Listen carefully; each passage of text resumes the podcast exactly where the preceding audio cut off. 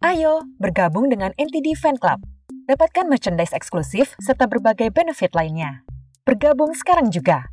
Hubungi WhatsApp 0813 8080 2513. Anda sedang mendengarkan podcast NT di Kehidupan. Selamat mendengarkan.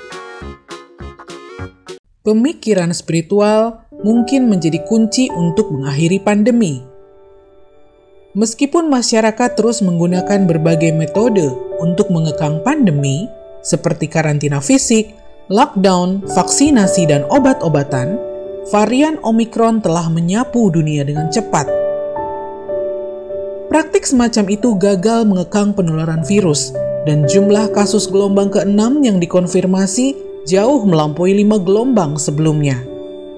Banyak orang mencari solusi untuk mengakhiri pandemi menggunakan metode berdasarkan teori sains modern, ide-ide yang ada di dunia fisik dan material. Tapi mungkin ada elemen penting yang diabaikan yang terletak di luar dunia material, yang tidak berwujud. Orang dahulu menekankan spiritualitas dan memahami bahwa dampak metafisik dan tak terlihat fisik, termasuk kesehatan kita, kepercayaan ini sebagian besar telah hilang dalam masyarakat modern. Penelitian telah menunjukkan bahwa spiritualitas dan pemikiran positif meningkatkan sistem kekebalan tubuh. Misalnya, orang yang jujur dan pemaaf memiliki kekebalan yang lebih tinggi. Sebaliknya, orang yang penipu, pemarah, dan pendendam telah terbukti memiliki sistem kekebalan yang lebih lemah dan kesehatan yang lebih buruk. Dengan demikian, mengubah status spiritual dan pikiran seseorang ke hal-hal yang positif dapat meningkatkan kekebalan. Susan David, seorang psikolog Harvard, melakukan penelitian yang menarik tentang kekebalan.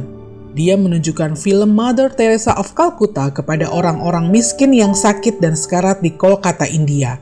Hanya dalam satu jam, kekebalan penonton menguat dan mencapai level yang lebih tinggi ini bahkan terjadi pada mereka yang tidak menyukai Ibu Teresa, menyiratkan bahwa alam bawah sadar mereka beresonansi dengan perbuatan baik dan kekuatan cintanya.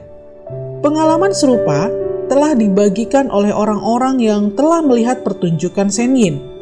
Pertunjukan tersebut menceritakan kisah-kisah kearifan Tiongkok kuno, kisah-kisah yang penuh dengan pesan-pesan yang membangkitkan semangat dan pemandangan yang indah serta diiringi dengan simfoni yang membawa Anda ke surga.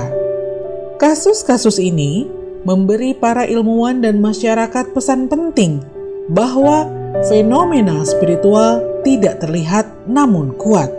Pikiran dan kondisi spiritual manusia adalah sama pentingnya. Oleh karena itu, kita tidak bisa hanya membatasi tindakan pencegahan pandemi pada dimensi fisik yang terlihat saja